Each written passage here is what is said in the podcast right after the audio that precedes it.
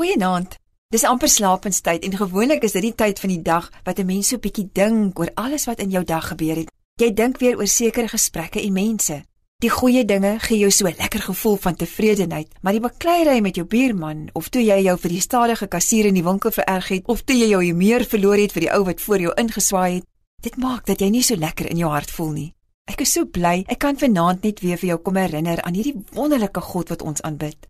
Hy het jou so lief dat hy al 2000 jaar gelede toegelaat het dat sy enigste seun Jesus aan die kruis gesterf het juis vir hierdie tye in ons lewe. Ons moet onthou dat Jesus se bloed toegevloei het sodat ons nie vanaand met hangskouers en 'n swaar hart hoef bed toe te gaan nie. As jou hart aan Jesus behoort, dan kan jy weet en glo God se vergifnis is vir jou bedoel. Dis deel van sy wonderlike toerusting vir ons om ons lewe op hierdie aarde te kan leef. Glo jy in Jesus? Het jy hom in jou hart ingenooi? As jy ja kan antwoord, dan moet jy weet en glo Jesus se bloed het jou skoon gewas. God ken ons harte en hy weet dat ons sleg voel oor ons ongeduld of kortiemeer of lelike woorde. Sê net vir God jy's jammer. Los dit dan by hom. Die moordenaar daar langs Jesus het vir hom gevra: "Ag meester, dink aan my." En Jesus het vir hom gesê: "Vandag sal jy saam met my in die paradys wees." Net dit. Dis nie belangrik hoe veel keer jy val nie, maar wat wel belangrik is, is dat jy weer opstaan. Bou aan jou verhouding met God. Praat gedurig met hom. Glo hom as hy in sy woord vir jou sê, hy het al jou sonde afgewas en vergewe. Dis lankal afgehandel en leef in daardie vryheid. Ek en jy moet net onthou om nie ons foute te probeer regverdig nie.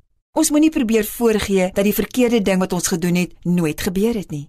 Dit sal God baie hartseer maak en is nie wat hy wil hê nie. Wees eerlik oor jou sonde Erken, herken en bely dit so vinnig as moontlik, want dit is die sekerste manier om daarvan ontslae te raak. Gaan sê jammer as jy vir iemand anders moet jammer sê.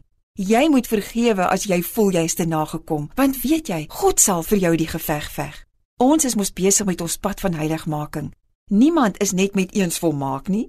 Die Here weet jy gaan foute maak nog voordat dit gebeur. En tog, God sê, jy's vir hom kosbaar. Hy het jou lief. Hy is aan jou kant. Met sy reddende regterhand help hy jou. Jesaja 41. Hemelvader, baie dankie dat u vergifnis vanaand vir my beskikbaar is. Ek is jammer oor die verkeerde ding wat ek vandag gedoen het. Ag Here, ek sukkel hiermee, maar baie dankie dat ek nou rustig kan gaan slaap omdat u vergifnis my vrymaak. Amen.